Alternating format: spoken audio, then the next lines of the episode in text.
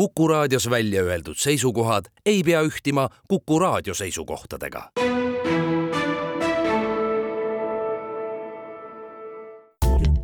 tähendused, teejuhid.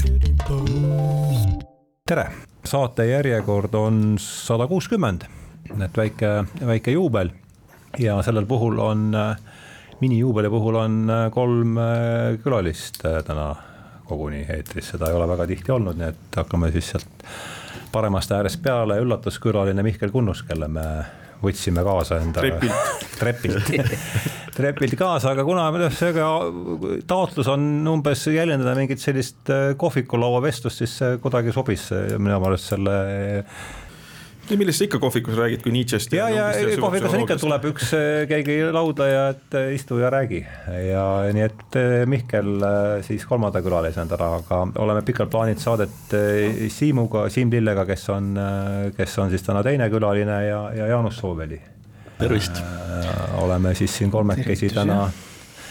Mihklit ma isegi ei kujuta ma ei mäleta, mitu korda sa oled käinud, et palju? sa oled käinud oma vaata, et ikkagi paarkümmend korda vist juba, et noh, sa alati on olnud äh, kedagi, keda on saanud kutsuda, kui sul see pere, pereolukord oli poiss, poissmehelikum, et siis oli seda lihtsam, lihtsam., siis oli lihtsam, nüüd on see keerulisem, aga Siim, Siim vaatame ka järgi. mulle meeldib ka kohvikus käia, aga selles Jungi 3D-d number kuuskümmend neli oli esimene saade. koos Mihkliga, jah. ja, ja. sinus endas Kobra koos Joonas Nahkariga, see oli, see oli Krishnamurti ja Poomi vestlused, eks ole. Krishnamurti jah. või oli Krishnamurti? noh, Poom oli seal kõrval vist. jah, Krishna jah ja siis oli, olid, see oli üheksakümmend üheksa, siis olid sa kohe järgmises saates, mis on mul jäänud väga sooja, sooja mälestus sellest saatest, äh, Ernst Enno igatsus number sada. torti sai. torti sai just nimelt jah. ja sada kakskümmend kolm, üle aegade Assamalla, Peeti Alver ja siis oled sa käinud sada kolmkümmend kolm monoliitse mõtlemise miinused. millest me rääkisime, see Mihkliga oli teil äh,? Tarnas. Tarnas muidugi. Richard Tarnas. jaa, absoluutselt. kas raamat on? positiivismi kirjaline ei ole, aga ja. peaks olema, nüüd on ta pealkiri on Õhtumaa mõtteloo passioon. Tanel Pärna, see on minu arust väga ilus, ma ise ei tulnud selle peale, et seda niimoodi tõlkida, aga. see on päris hea tõlge jah. väga hea, ma läksin kuidagi kire kaudu ja mm -hmm. sealt ei saanudki asja sellest, aga et see just passioon sinna tuua, see minu arust on nii hästi saanud sellele pihta et kui Tanel peaks meid kuulama, siis äh, kummardus talle selle eest. ja Jaanus, Jaanus on, peaks olema nüüd neljandat korda, kui ma õigesti mäletan. võimalik jah. sada kolmkümmend üks Apollonia ja Dionysose vahel, Mihkel Kunnus, Jaanus Sooveri, Nietzsche oli see. kui ma ei eksi, see oli täpselt Nietzsche sünnipäev. vist oli jah, vist oli jah, vist oli jah, jah, jah, me rääkisime siis 14. Äh, tragöödia sünnist, eks ole. väga oluline raamat. see oli Nietzsche esik. esikteos. esikteos, eks ole jah siis on Friedrich, Jordan ja Moirad, Mihkel Kunnus, Jaanus Soov oli taas mm. -hmm. seal oli siis Peterson ja Nietzsche. ja, ja kusjuures siin võib teha kaubandusliku teadaande, et viisteist juuni ma vaatasin, ilmub äh, kirjastuse andmetel ametlikult äh, Tähenduse teejuhid, Jordan mm. Petersoni raamat, mis Aha. on andnud äh, nime ka sellele saatesarjale mille tõlkis siis ära minu kuulsusrikas abikaasa. ja, ja millest me tegime saate, kus oli siis äh, Kärdiga koos oli Aleksander Eri Laupmaa. sada nelikümmend üks Prohvet Preeriast, kes on siis ilmselgelt. Äh, ja see oli teine saade, kus Jaanus oli ja kolmas saade on Ihade Ämar keldrisopp sada viiskümmend kaks, see oli süvapsühholoogia. ja kant süüvisime päris sügavale. jah, ja, ja see, eks need kõik saated kuidagi juba märgivad ära territooriumi, et täna äh, töö pealkiri sellel saatel võiks olla süvapsühholoogia ristiisa, nii et on, oleme siis tulnud siia selleks, et rääkida. Ja süvapsühholoogia ristiisaks nimetas, mina kuulsin seda Tarnase käest, et on siis see Nietzsche, nii et Nietzsche ja süvapsühholoogia on täna laias laastus selle, selle jutuajamise teema ma mõtlesin struktuuri mõttes, kui jutt peaks kinni jääma, siis ma võtsin lahti Richard Tarnase äh, külalisloengu, mis ta vedas eelmisel sügisel mu kursusel äh, hingekood, mis oli pühendatud James Hillmanile ja et kui peaks jutt takerduma, siis ma võtan sealt midagi, äh, viska, sest sa oled seda lugenud, eks ju, näinud ja, ja, ja, ja me kõik vist oleme seda, seda näinud, aga et. aga hakkame siis pihta jällegi väljaku märkimisest, et süvapsühholoogia, et teeme esimese ringi selle, et mis see siis on ja, ja mis, mis poolest ta, mis laadi psühholoogia on mitte süvapsühholoogia, et äh, hakkame siis äh, hakkame sealt äärest pihta, et äh, sihuke lühike, lühike sisse. no eelmises saates me jõudsime konsensusele, et süvapsühholoogia on see, mis võtab mitteteadvust, alateadvust tõsiselt mm. -hmm.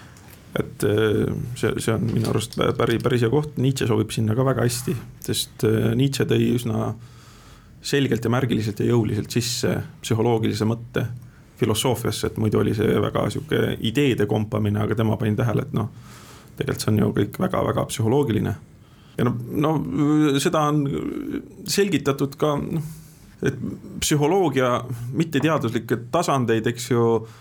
Aaro Toomela on, kes on sihuke hästi selgelt defineeriv ja väga-väga igatpidi väga defineeriv Tallinna Ülikooli psühholoog, et ta ütleb, et noh. esiteks indiviidi mälu on see, mis, kuidas ta määratleb psühholoogiat mm -hmm. ise, et psühholoogia on see, mis on indiviidi mälu ja see on, see on nagu tore selles mõttes, et siit tulevad sisse kohe robinal teised liigid ka kui mingil indiviidil on individuaalne mälu lisaks liigimälule, eks ju, liigimälu mm -hmm. on mhm. see, mis tuleb geenidega ilusti. et see võib olla igasugusel noh, väga primitiivsel eluvormil.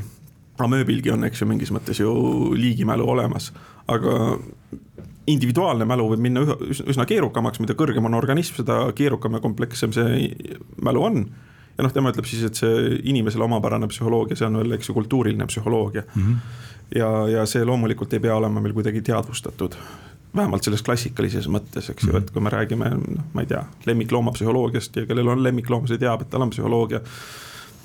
tal on tujud ja nii edasi, tal on kogemused, mälud, eks ju, ja, ja kõik see toimib ja tal on psüühe kindlasti mm -hmm. olemas, eks. et see ei pea olema kuidagi mingi ideeline või artikuleeritud või noh, ma vaatan praegu oma päris, päris väikseid lapsi, eks ju, kes ei räägi isegi veel, aga juba jonnivad ja möllavad ja teevad ja planeerivad ilmselgelt, et ma vaatan, see üheaastane juba võtab kivikese ja hakkab minema vanni poole, sest tal on see plaan see kivike ära uputada mm. -hmm. et ilmselgelt tal mingi tegevus seal peas käib ja planeerimine ja mm. -hmm. ja siis, kui takistab, siis jonnib ja nii et süvapsühholoogia võtab tõsiselt alateadvust, on see, mis ma siin praegu, praegu, praegu kirja sai, et äh, Siim, kas sa tahad midagi? kui me hakkame nüüd vaidlema, kas on alateadus või või kuidas neid mõisteid defineerida.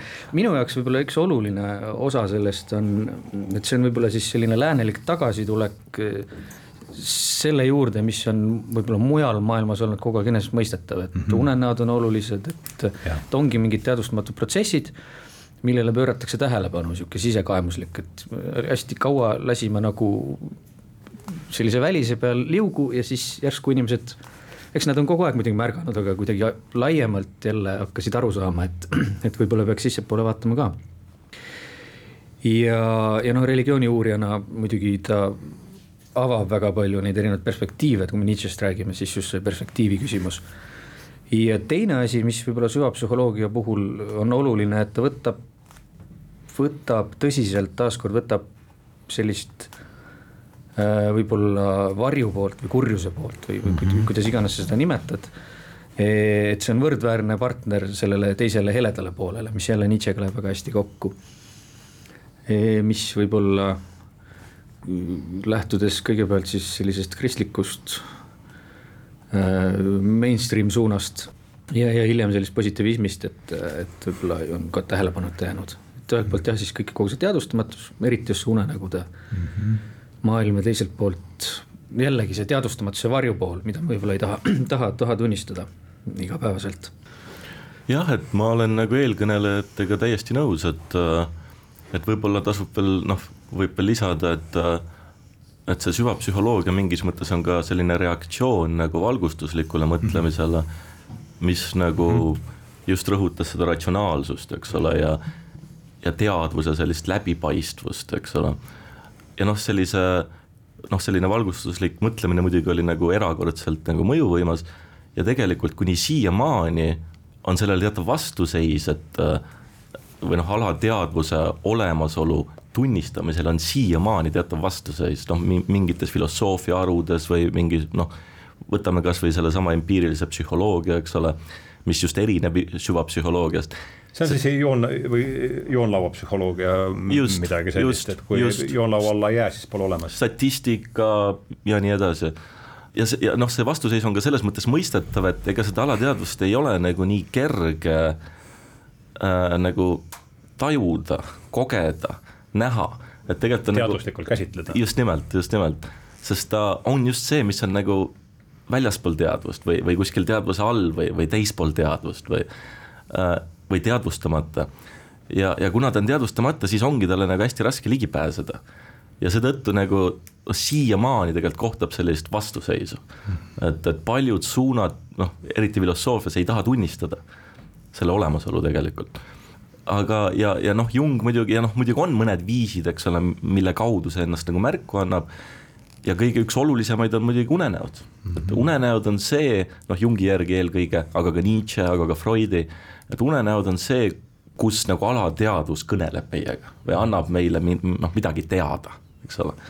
sümbolite ja kujundite kaudu. sümbolite ja kujundite visuaalse kaudu. asja kaudu tihti, jah. ja uni pidi olema surmavend ma kuskilt ja, ja asja, ma ei mäleta, kes see seda, kes see seda, kus ma seda hiljuti noppisin selle lause üles, see avas mulle natuke seda. aga ta on ka eluvend, ta on, ta on, ta on nii surma kui eluvend, selles mõttes, et ta, ta on ka selline kreatiivsuse nagu allikas, et, et. no seda me võtame just ka enesestmõistetavalt, et ta on eluvend, aga et ta jah, jah, see on see vahe, see limbo. ja, ja kui tuua üks, üks aktuaalne näide, mis mul on nagu hiljutise avaliku debatiga, eks ju, praegu on käinud, ütleme siis markeerime see ära, juuni algus kaks tuhat kakskümmend kaks iibedebatt, eks ju, miks lapsi saadakse ja noh, minu arust on nagu, see on lausa skandaalselt või naeruväärselt või lihtsalt totruseni lollakas, eks ju, kui sa mõtled, et miks näiteks kellelgi pole lapsi, et sa näiteks helistad ja küsid talle. ja siis sa, siis sa saad mingi adekvaatse vastuse. mille saab näiteks, Excelisse panna siis? küsid inimese käest, et noh, näiteks miks ta on üksi, miks tal pole kaaslast eriti kui sa küsid seda formaalselt, mõtled, et sa saad sealt mingi, mingi natukenegi õige vastuse, eks ju. selleks, et sealt inimene kuidagi päris tuumani jõuda, miks tal tegelikult ei ole näiteks kaaslast see peab olema usalduslik suhe, väga hästi artikuleeritud, eks ju. võib-olla peab, ma ei tea, kaks kuud käima mingi hea psühholoogiga looma hea suhte, et saamata selle asjale pihta. et see on, see on asi, mida inimene ise ei taha endale tunnistada, eks ju, tal võib olla mingi halb kogemus teismepõlvest, eks ju, tal võib olla mingi kompleks, eks ju, et ta peab ennast väga ebaatraktiivseks või läbikukkunuks või mittevõimeliseks selleks, ta kardab seda. see on nagu psühholoogiliselt ülikeeruline probleem ja siis sa mõtled, helistad ja ütleb toru niimoodi, et no kui me teeme nüüd äh, lastetoetuse natuke suuremaks, kas sa siis saad lapse või. eks ju, siis on esimene asi, mis sealt tuleb, võib olla niimoodi, et ei, mina ennem ei saa, kui ma ei tea, mingid need lollakad sealt pukist ära ei kao või, või, või võtta arvesse kliima soojenemist. et, et, sealt nagu sa saaksid kohe mingi autentse selgitusliku vastuse seda on lihtsalt skandaalne, et sihukest asja üldse nagu julged eeldada, see tähendab, et sa oled psühholoogiliselt nagu nii loll, kui vähegi olla saad, sa oled nagu peast nagu täiesti Excel, eks ju, mingi ratsionaalne. sa helistad ja küsid sihukest küsimust aga.... et sellele küsimusele inimene ise suudaks adekvaatselt vastata, see tahab ikka kuradi korralikku psühholoogilist tööd iseenda kallal. sest see on nii intiimne ja nii hämar küsimus.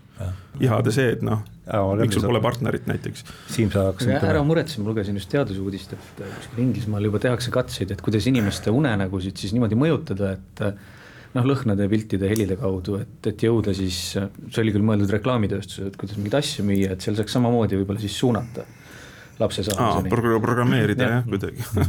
Siis ei ole, ei ole vaja küsitlusi enam, vaid, vaid kõik töötab.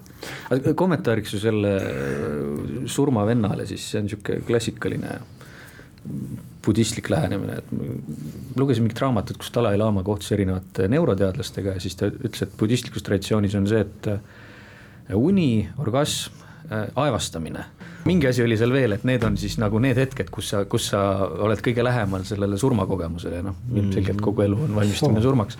aga mulle meeldis just see aevastamine, et siis ka noh, hetkeks läheb. Ah, kusjuures aevastamine on huvitav, see on normaalne füsioloogiline reaktsioon, mille käigus jääb süda seisma. et no, see on niisugune viktoriini küsimus. -hmm. et süda teeb põmp, jääb seisma aevastamise. jah, jah, et see on nagu sihuke funny mm. fact. ja mis orgasmi puudutab, siis prantsuse keeles ju orgasm ongi petit mort mm, -hmm. et väike surm, et. ah soo huvitaval kombel. seda ma ei äh.... ma arvan, et see on meeste teooria. Freudi peab rohkem lugema. ma arvan, et see. ma ei tea, kust see tuleb täpselt, aga, aga kuskilt see, kuskilt see tuleb. tähendused, teejuhid mul üks lause, mis ma olen Hillmanilt on äh, rõhutanud ja see on mulle saanud meelde ja nüüd tahaks kuulda, kuulda, kuidas teie sellest aru saate, tema ütleb seda, et psü-, mitte psüühe ei asu meis, vaid meie asume psüühes, et äh, kuidas, kuidas teie sellest lausest aru saate? ma võin alustada selles mõttes, et, äh, et Jung teeb nagu äh, vahet ego ja ise vahel. nii, nii, aga anna siin ka palun seda juurde. jah, et ego ongi selline. see on nüüd Jungi eristus. see on nüüd Jung, seda eristust teevad ka paljud teised mm. -hmm. aga sa mainisid Jungi praegu. ma praegu mainisin praegu Jungi jah, aga seda eristust, sedasama eristust teevad ka väga paljud teised mm. -hmm. ühesõnaga, ego on selline teadlik äh, Äh, teadvusel olev ratsionaalne subjekt, ütleme nii. ja nüüd ise on see, mis hõlmab nii seda egot, ehk siis seda ütleme, intentio-, intentsionaalset subjekti, kui ka äh, seda alateadvust, ühesõnaga ise on ja. nagu kogu, kogu see isiksus, nii. hõlmates nii tead-, teadvuslikku kui ka alateadvuslikku, see oleks ise. ego on siis ise alamhulk kui me äh, Venni diagrammina võtame. jah, täpselt, täpselt nii, täpselt nii. ja nüüd psüühe muidugi on, äh, on selles mõttes nagu selle iseenda energia, ütleme. Et, et psü-, et, et, et, mhm. et see ise koosnebki noh, see, selle vaimne pool koosnebki psüühest, ütleme see on Jungi arusaamine? see on Jungi arusaamine umbes jah. sellega on ka see, et Jung äh, ühes kohas nagu jah kirjeldab ühtmoodi, teist teistmoodi, võib-olla need hilisemad õpilased, Ester Harding on kirjutanud mm. raamatut sellest. Ester Harding. minu arust on Ester Harding jah mm. et nagu need, kes nagu selle nagu hästi niimoodi ilusti mudelitesse asjadesse pannud on, on, on võib-olla Jungi õpilased pigem, aga jah mm. -hmm aga see Jung annab jah, nagu, nagu ja. rohkem nagu selliseid, või noh, ütleb siin, eks ole, või noh, kirjeldab siin natuke, siis teisel, mujal natuke, eks ole. ta teeb pildikesi, mitte süsteeme, eks ju ja eks Freudi asi tuleb ju sisse kohe, see. ja, ja, ja ego ja superego ja, ja iid ja täpselt. ma just lugesin huvitavat äh, analüüsi, et kui võtta Nietzsche kõrvale kohe Zarathustra ja ta alustab kohe kõnesid, algab selle kolme moodusega, et vaim alguses on siis kaameliks, on ju, moondub kaamelist äh, lõviks ja lõvist lapseks, et siis keegi oli just äh,. kaamel, lõvi ja laps jah, et ju. kelle teekond see oli nüüd? see on Nietzsche Zarathustra kohe päris alguses esimene kõne või isegi kõnede alguses vist. ja, ja siis. ei, aga kelle, sealt see tuleb, aga kelle tee, oli see hingeteekond või?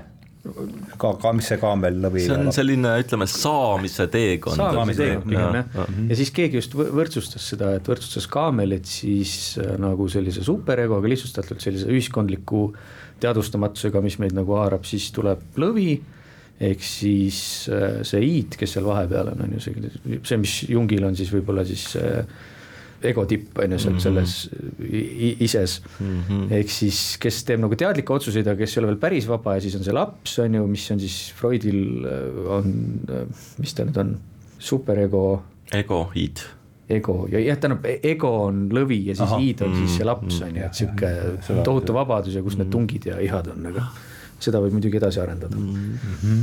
aga siin võib-olla võiks kohe ära öelda, et kui me räägime Jungist, Freudist, Nietzsche'st, äh, siis minu meelest et äh, nagu Nietzschega on, et igaühe jaoks on eraldi Nietzsche või et kui Freud ütleb seda, et ta ei ole Nietzsche't lugenud, rõhutab seda kogu aeg igal pool. Jung kirjutab ka, et Freud ütles alati, mina ei ole Nietzsche't lugenud, inimesed, kes on uurinud seda, tegelikult on näidanud seda, et tegelikult nooruses oli väga kirglik Nietzsche lugeja. aga kuna need mingid teooriad väga kattuvad ja Freudi sihuke kerge egomaniaklus ja, ja, ja ta tahtis olla see uue teooria tooja, siis ta hilisemas elus kogu aeg ütleb, mina olen lugenud, ma meelega ei lugenud, et mitte segada mm. -hmm. aga noh, on näha, et on need. Äh, ka Freudil oli psühholoogia, võime siin öelda no. mis, mis pani teda eitama. ja, ja, ja kui Jung jälle võtta, siis Jung on jälle väga vaimustatud Nietzsche'st, aga tema loeb jälle Nietzsche't läbi puhtalt oma kogemuse prisma.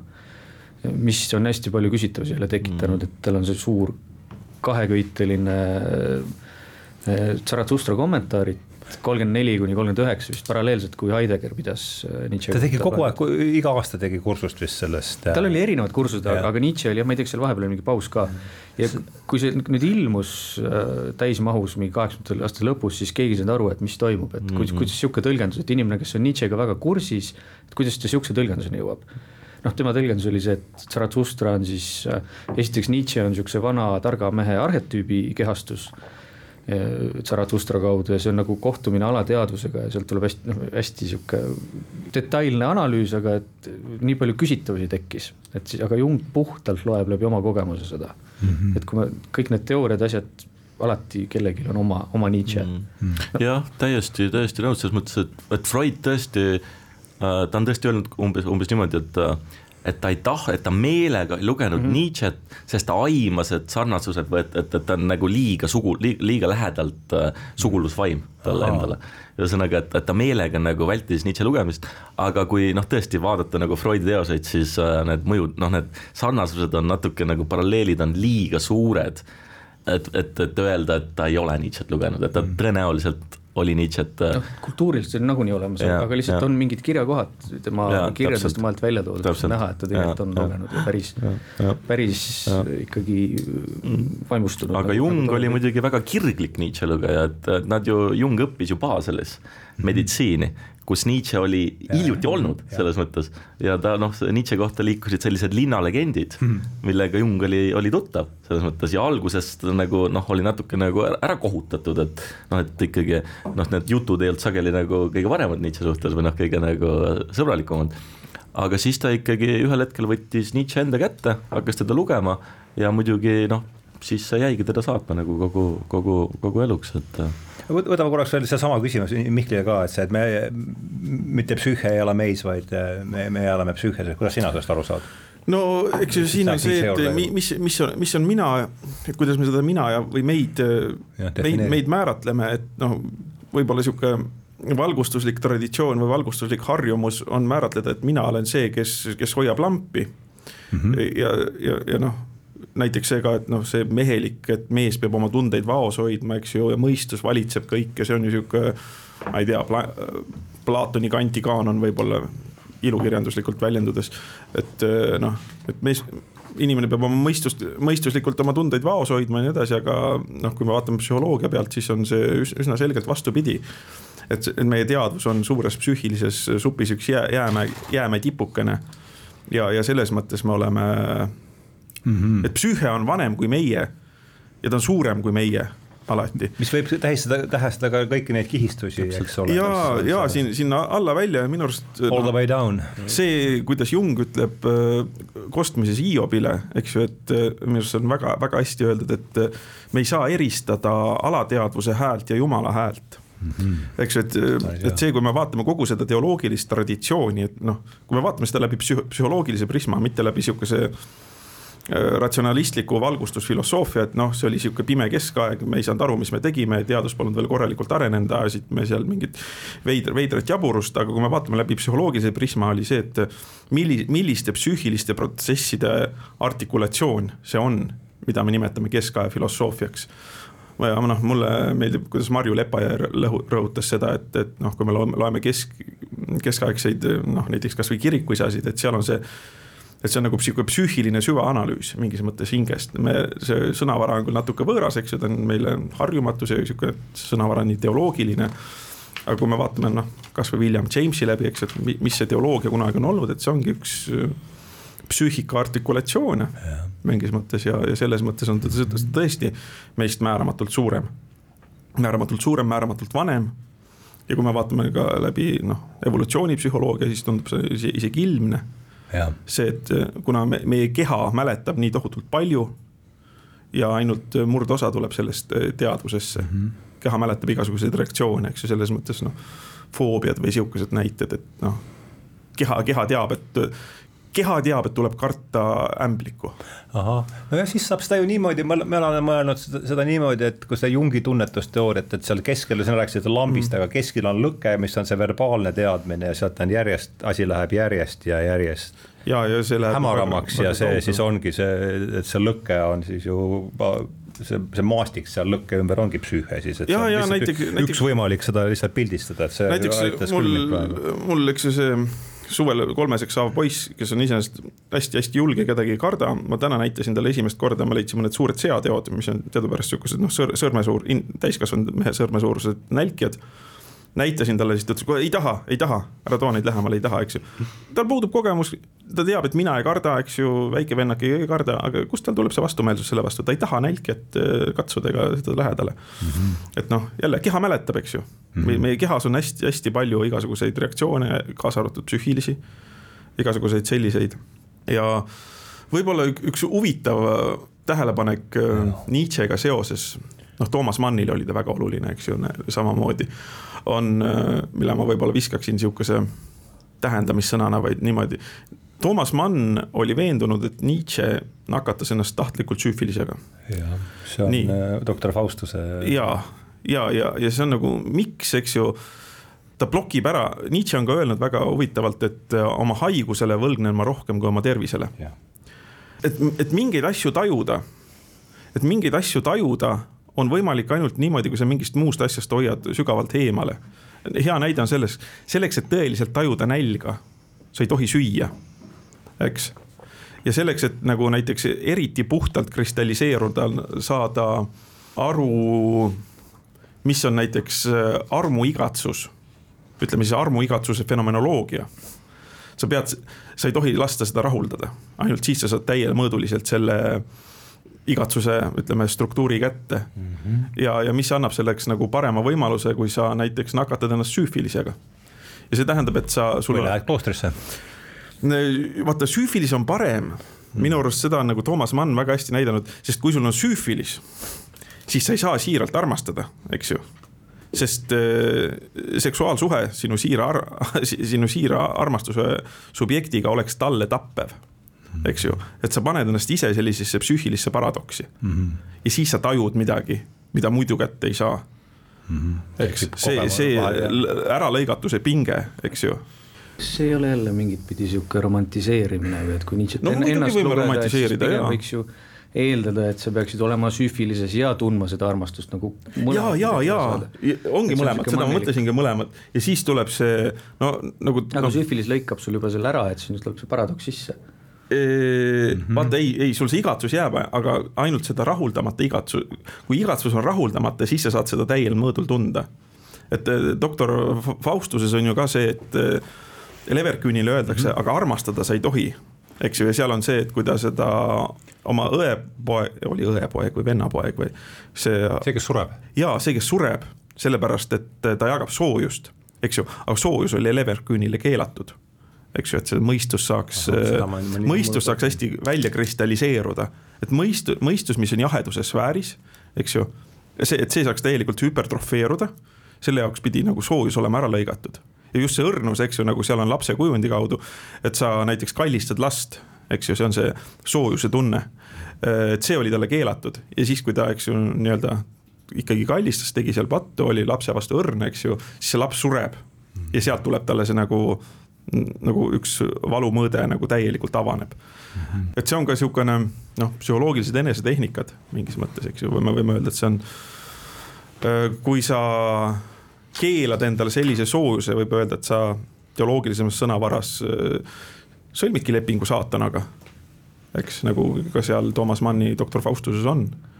selleks, et oma sümfoonia lõpuni viia, ta peab noh, sõlmibki saatanaga lepingu.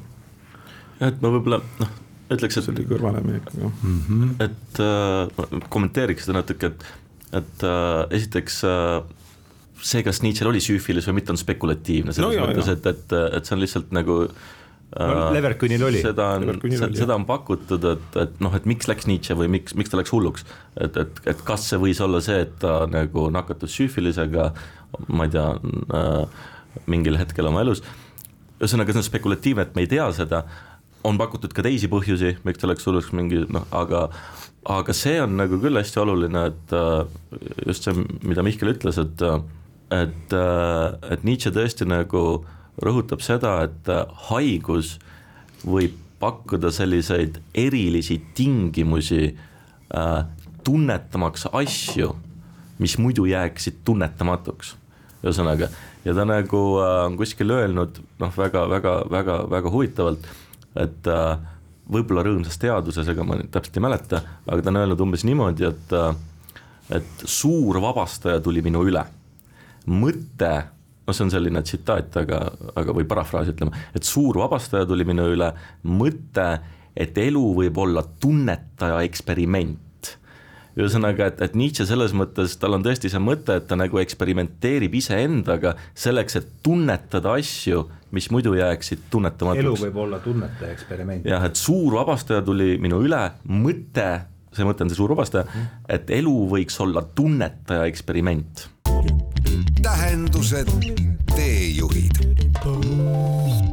see on see Jungi tsitaat, ma ei mäleta, kus see oli, aga et meie ainus tõeline religioon on monoteistlik teadvus mis on haaranud meid täiesti oma võimusesse ja pannud meid fanaatiliselt eitama igasuguseid iseseisvalt eksisteerivaid või noh, autonoom-, iseseisvalt eksisteeriv ongi autonoomne süsteem et.... ja, aga noh, psühholoogia on nüüd ju täiesti üksmeelsel veendumusel, minu arust siin ühes saates käisid, kes need käisid ka, oli ka üks, oli minu arust just Jüri Allik ja kellegi teisega rääkisid sellest äh, psüühika mitmesusest, eks ju, autonoomsed süsteemid inimestes psüühilistes ma ei mäleta, kellega ta oli, minu arust oli. see oli üsna alguses või? jaa, üsna alguses jah. Ave Annus. seal oli, kelle käes on juhtpult, eks ju, ja see. aa, poliitbüroo jah, jah, jah, jah, jah, jah, ja see vist oli küll jah, jah. ja no, ja no kui me vaatame, eks ju, sihuke täiesti füsioloogia tasandil, eks ju, mis on tsentraalne närvisüsteem, perifeerne närvisüsteem, eks ju. noh, need, mis hoiavad meil käigus hingamist, südameid, neid, see on täiesti autonoomne süsteem, eks ju. et meil võib teadvuse võib sõna otseses mõttes välja lüüa, need asjad tiksuvad edasi seal all ilusti, see on närvisüsteemi osa, on täiesti autonoomne. ja noh, psüühikas on ka suhteliselt autonoomsed asjad, et kui miski meid valdab, siis noh, mingid mehhanismid lähevad käima ja mil määral me nendega samastame ennast ja nagu Hillmani juurde tagasi tulla, siis ma arvan, et Hillman võib-olla pakub sedasama välja siis, mida Jung pakkus välja, et sellist uut jumalapilti võib-olla. et just nende noh, tal on ka erinevad need jumalad, keda ta siis käsitleb erinevates raamatutes. Helmen on polüteist. jah, ja täpselt, et ta pakub siis võib-olla sellist äh, polüteistlikku jumala pilti, on ju, samal ajal äh, rääkides nendest jumalatest kui arhetüüpidest, on ju, mitte kui noh, mida ma tean, osad polüteistid, kes kummardavad teatavaid Kreeka jumalaid on ka väga kõvasti ette heitnud, et, et nende jumalatele tehakse liiga ja psühhologiseeritakse on praktiseerivaid äh, jumala kummardajaid ikkagi mm -hmm. tänapäeval ka mul tuleb meelde John Gray ka see, et tema sel tol hetkel, kui ma seda kuulsin, meeldis, mõjus silmi avavalt seda küll mitu aastat tagasi, et kui ütlesid kreeklasele, et ma ei usu jumalat. et siis järgmine küsimus on, et, et millist jumalat sa ei usu mm. -hmm. et see, et see polüteismi ja, ja monoteismi see, ikka seesama no, eelmises saates, mis ma täna salvestasin, käis see jälle läbi see Sheldricki lause, mis mingil põhjusel omal ajal väga jällegi paelus, et me oleme sügavas kriisis, sest meie kaks fundamentaalset reaalsusmudelit on, ujuvad kokkupõrkekursil, seesama siis Jeruusalemm ja, ja, ja Ateena ja, ja noh, seesama siis monoteism ja. no Nietzsche, Nietzsche kaudu on ju tegelikult, ma ütlen Eestiski Asso Krull praegu ja ja see Descola raamat, mis just ilmus. ja sellest me rääkisime ka. ütle see Descola raamatu nimi veel palun. loodus ja kultuur. sealpool loodust ja kultuuri, või siis, või siis Asso küll ei tahtnud tõlkida, aga kui Nietzsche'le paralleelis teispool loodust ja kultuuri, no teispool head ja kurja mm. -hmm ja, ja sinagi oled ju kirjutanud sellist nii-öelda soome-urilikust maailma nägemisest mm -hmm. võib-olla, et, mhm. et just see on selline võib-olla siis alternatiiv. see ei olnud teispool, mis see sõna oli siis? sealpool, sealpool, eesti keeles tõlgitud jah et sihuke perspektiivide paljusus tagasi tuua, alternatiive juurde tuua mm. -hmm. no mingis mõttes on see ju postmodernismi selline võtame sellest parema, mitte halvema. just, et see on ju jah, et postmodern jällegi nii, nii vähe, kui mina sellest aru saan, on see üks postmodernismi sihuke asi. see perspektiivide paljususe tagasitulek. no. Nietzsche tõigi need sisse perspektiivismi, vot jõudsime Nietzsche, Nietzsche juurde jälle jah, aga sina vist ütlesid seda, et ta tahab, Nietzsche tahab teha metafüüsikaga üks-null ja te kõik noogutasite selle peale, et on... Äh, teeme sellele mõttele ka ringi peale et.... nii on äh, jah, aga, aga miks ja kuidas kes tahab äh, teha no, otsa lahti? Jaanus vast on siin. mis metafüüsika on üldse mm, -hmm. et äh, et see on nagu noh, metafüüsika, noh, kui me vaatame kreeka keeles, siis on nagu see, mis on üle füüsika mm. -hmm. või teistpidi. see on Aristo-, Aristotelese kataloogiseerimist.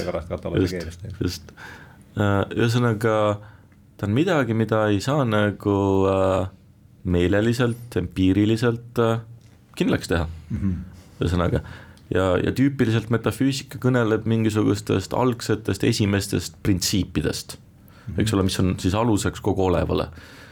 Ja no üks selliseid printsiipe, põhiprintsiip, ütleme õhtumaades kindlasti ja on muidugi Jumal, et Jumal on, on selline metafüüsiline printsiip, mis on loonud oleva, eks ole, või noh. ja okay,, ja yeah., ja, ja, ja kõik läheb sinna tagasi, nii. ja nüüd, kui me ma ei tea, muutle, muutume selle printsiibi suhtes või kui me muutume üldse sellise, sellist laadi mõtlemise suhtes nagu kahtlevaks, ühesõnaga, kui me ei taha postuleerida mingisuguseid esimesi põhjusi, kui me ei taha postuleerida mingisuguseid nähtamatuid printsiipe, millele kõik läheb tagasi, siis me võime öelda, et me ei taha tegeleda metafüüsikaga. ja, ja Nietzsche ja noh, teadus ilmselgelt ei noh, üldjuhul ei, ei seedi metafüüsikat, eks ole, sest see on tõestamatu. samuti positiivistiks ei saa teda ju ometi nimetada või?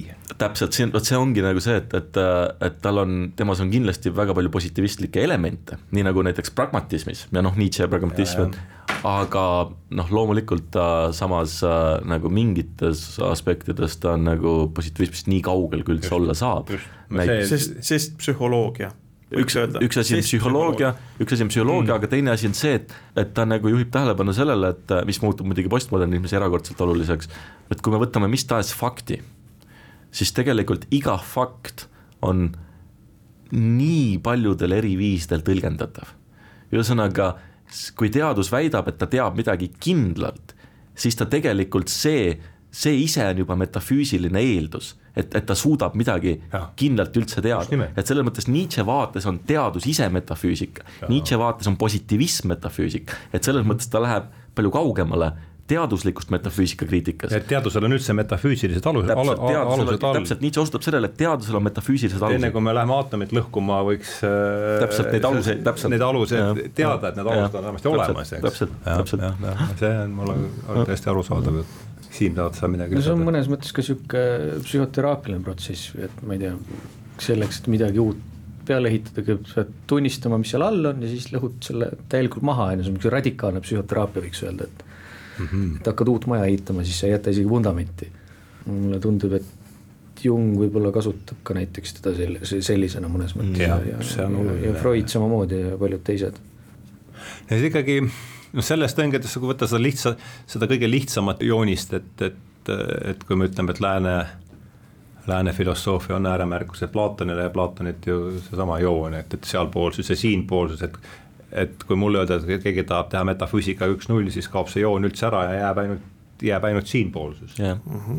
aga ütlen nüüd jah, siiamaani kõik arusaadav, et kes see läbi mõte, et Nietzsche ei ole positivist sest psühholoogia, sina tulid selle mõttega. jaa, vaata siis sihuke komtilikus mõttes äh, positiivism äh, viskab esimese asjana igasuguse psühholoogia minema ja subjektiivsed värgid, eks ju. viskame kogu subjektiivse kraami minema. viskame ja, vaatleja minema siis. viskame vaatleja minema ja, ja mõõdame, eks ju, mõõdame ohjeldamatult ja kõik, mis ei ole mõõdetav, selle teeme mõõdetavaks ja mm. -hmm. aga Nietzsche on psühholoog jah, eks ju. vaatleja on olemas teise sõnadega. ja vaatleja ongi kõige olulisem ja vaatlemegi vaatlejat. hoopis vaatleme vaatlejat. ja, ja, ja see, see on ju see, mida süvapsühholoogia. ja see on kogu see psühholoogiline maailm, eks ju. ja seal taga mingeid kuradi metafüüsilisi printsiipe, vaid vaatame psüühikat, puurime sellesse nii nagu jaksame eks ju noh, nagu William James ütles ka, et vaatame kõiki fakte ja kõiki psühholoogilisi fakte, para, parapsühholoogilisi, ilmutuslikke, religioosseid ja mis iganes, eks ju, selles mm -hmm. mõttes küll aga need on kõik psüühikad, nad jätavad mm -hmm. kõik psüühilised faktid alles, aga klassikalises mõttes sihuke koontilik filosoofia viskab jah subjekti täiega välja. Läheb behaviorismi poole, noh. siin ja sealpoolsus hakkab nagu ära kaduma, et mm -hmm. teisele poole. jaa äh,, aga nüüd on see vaatleja aspekt kaasaegse filosoofia ajalugu võib pidada füüsika ja psühholoogia vahelise vastasseisu ajalooks, Will Durant äh,, et mis äh, nii on tundub küll jah, ma ja mulle tundub, mulle tundub ka, et nii on, et noh, täpselt siia, siia selle arutelu, aruteluga me siia jõudsime, aga, aga. aga jah, ja meid huvitab psühholoogia. seda arutelu tegelikult peaks jätkama veel kellegi teisega ja sest me rääkisime psühholoogia algusest, aga sel noh, sellest on ka nüüd üle saja aasta möödas, et need jooned ja noh, Ilman on üks ainult nendest, aga neid variante on väga palju, et muidu võib-olla jääbki mulje, et Freud ja Jung ja noh, nad on nii suured kujud, aga, aga tegelikult kõik see, mis on hiljem tulnud, et. aga vaata nagu iga, iga sellise uue sündmuse alguses mängitakse mm -hmm väga palju eri vorme läbi ju, peaaegu kõik vormid mängitakse mingis mõttes mm. läbi. No,, võtame filosoofia, Vana-Kreekas oli nagu sadu erinevaid koolkondi, ühesõnaga kõik võimalused, noh, kõik on muidugi liiga palju öeldud, aga tohutul hulgal võimalusi mängitakse läbi ja siis hiljem selle, no ütleme, selle kahe tuhande aasta jooksul tegelikult nagu noh, on see nagu noh, midagi väga uut ei ole nagu toimunud, on toimunud mingi kristalliseerumine, eks ole, mingi süvendamine, mingi rafineerimine, aga samas seal päris alguses sellises sulaolekus on nagu hästi palju juba läbi mängitud nagu. Ja mingis ja. mõttes on see süvapsühholoog samamoodi, et, et Freud ja Jung on ikkagi nii palju nagu läbi mänginud, sest nad on niivõrd erakordsed vaimud. Ja noh, see tänapäevane süvapsühholoogia lihtsalt paratamatult noh. üks oluline asi, mis on kõrvale tulnud, on ida mõttelugu, vaata Schopenhaueril on ja, muidugi ja, olemas ja, ja. ja Jung tegelikult ütleb ka, et Schopenhauer, Nietzsche on võib-olla niivõrd idalikud mõtlejate mm -hmm. jaoks, mhm. et, et lääne inimesel on kohati raske aru saada mm. -hmm. nüüd sada aastat hiljem, ma mõtlengi Eesti kontekstis, mida Margus Ott ja teised üritavad nagu ka teha, et mm, -hmm. et, et see ei ole lääne monoliit tegelikult. see on hea point, aga see on tõesti, Schopenhaueril on see väga tugevalt juba ja. olemas, sest ta aga no, mis, mida Nietzschega minu meelest materdab tegelikult ja. seda tema sellist kuigi ka Nietzsche noh, oli budismist väga huvitatud mm -hmm. selles mõttes, aga ta jah, ikkagi pidas ka budismi nihilismiks tegelikult mm. -hmm. aga et veel Jungil on ka, et see, mis temani nagu need idatekstid jõuavad, need on hästi tugevalt niisugune teosoofilise lääneliku maiguga, et, et nüüd võib-olla sada aastat hiljem tegelikult on palju huvitavamaid mitte palju huvitavaid, aga noh, väga palju uusi selliseid teid. mis oleks mõtleja, keda see, kes sulle pakuks huvi, keda, kellest võiks ütleme jään sulle praegu vastu. ütleme selle peenra pealt, et mm. -hmm Masingu budismist on muidugi päris huvitav. nojah, eks see on jälle see küsimus, et miks, miks pakuvad meile mingid asjad huvi ja teised asjad, et ma arvan, et, miks mul, miks see ilm, miks Ilman mulle nii korda läks, ongi see, et ta räägib selgelt, noh, tast on võimalik aru saada, sellest erinevalt Jungist, et äh, et, et noh, ma saan aru, millest, äh, millest mm -hmm. jutt käib ja see on juba, see on juba suur asi, saad seal edasi minna. ja tundub oluline, jutt tundub oluline. jutt tundub väga oluline, jutt tundub absoluutselt äh, oluline ja arusaadav ja see on see, miks ta. noh, Tarnasega sama. Tarnasega sama jah, ja Krohv muidugi, kõik see on väga huvitav aga Nietzsche't maksab ikkagi lugeda, kuigi alati aru ei saa. eriti just ma nüüd jälle hakkasin lugema seda sinu tõlkes sealpool head ja kurja kindlasti, see on lugemissoovitus, kui nüüd lõpus on vaja. jah, ta on lihtsalt niivõrd, teda on lihtsalt niivõrd hea lugeda, eks mm. -hmm. keegi võiks muidugi Zarathustraga uuesti tõlkida. täpselt, täiesti nõus. see sinu see sealpool head ja kuri on avatud raamatu ahah, see ongi sinu selle üleskutsega võtame saate kokku. ma arvan tõesti, et see on hea koht, et konkreetne lugemissoovitus on, on väga, nii et sealpool head ja kurja, siis äh, Jaanuse tõlkes, mis äh, loomeperioodis see teos, kuidas? suhteliselt hiline või noh, isegi, isegi noh, mitte nagu see kõige viimane periood, aga ikkagi nagu kaheksakümmend, tuhat kaheksasada kaheksakümmend kuus lõpusirge alguses või keskel või? juba lõpusirge keskel võib-olla. lõpusirge keskel jah. kaheksakümmend üheksa läks. pärast Zaratustrat kohe umbes. jah, paar aastat pärast Zaratustrat jah nii tragöödia sünd oli suhteliselt stardijoonel, stardijoonel põhimõtteliselt jah, ahaa. ja selle kohta oli meil eraldi saade, ma ütlen ja. selle ka ära, et äh, sada kolmkümmend üks Apolloni ja Dionysose vahel on siis äh, tragöödia sünnist ja ja tänane lugem-, lugemissoovitus on siis äh, sealpool äh, head ja kurja ja, ja ma võtan seda tõsiselt ja tõeliselt tuleme, tuleme selle teose juurde sügisel tagasi. jätame selle kuulajatele kodutööks. jätame see ja, ja saatejuhile ka. aga võib-olla mina... ma selle sealpool hea ja kurja kohta ütleks võib-olla veel ühe lause, et, et kui ma Saksamaal õppisin ühe professor, professori juures, kes nagu oli noh, Nietzsche suur asjatundja ja siis me noh, muidugi rääkisime sellest ja, ja siis ma võib-olla ütlesin talle nagu, nagu et, et tuleb olla, et või noh, et tuleb olla sealpool head ja kurja, eks ole, või noh, oli mingi, ma ei mäleta, mis see küsimus täpselt oli. ja siis tema ütles, ettevaatust, tuleb mõtelda sealpool head ja kurja. ühesõnaga, me ei õhuta teid kuritegudele ma helistasin sulle veel, ma mäletan seda kõnet, aga kuskohast on pärit see küsimus, et kuidas saadakse selleks, kes ollakse äh,? see on Eke oma ah,. see oli Eke oma. see on isegi raamatu alapealkiri. ja just, just, just, just ja Eke oma, mis aastast? vot see on päris lõpp juba. see on päris lõpp, see on Vinis, see on Vinissi lõpu, lõpu, lõpuruudustikus siis jah. kommenteerib oma teoseid ja justkui mm -hmm. nagu aimaks, et kohe läheb hämaraks. kohe läheb looju täpselt lõppes ta siis kaheksakümmend üheksa lõppes tema vaimne siinolek mm., kolmas jaanuar vist oli või? no vot siis jah, ei, ei ei ütle ka. ei, lihtsalt, et äh, klaverit veel mängis.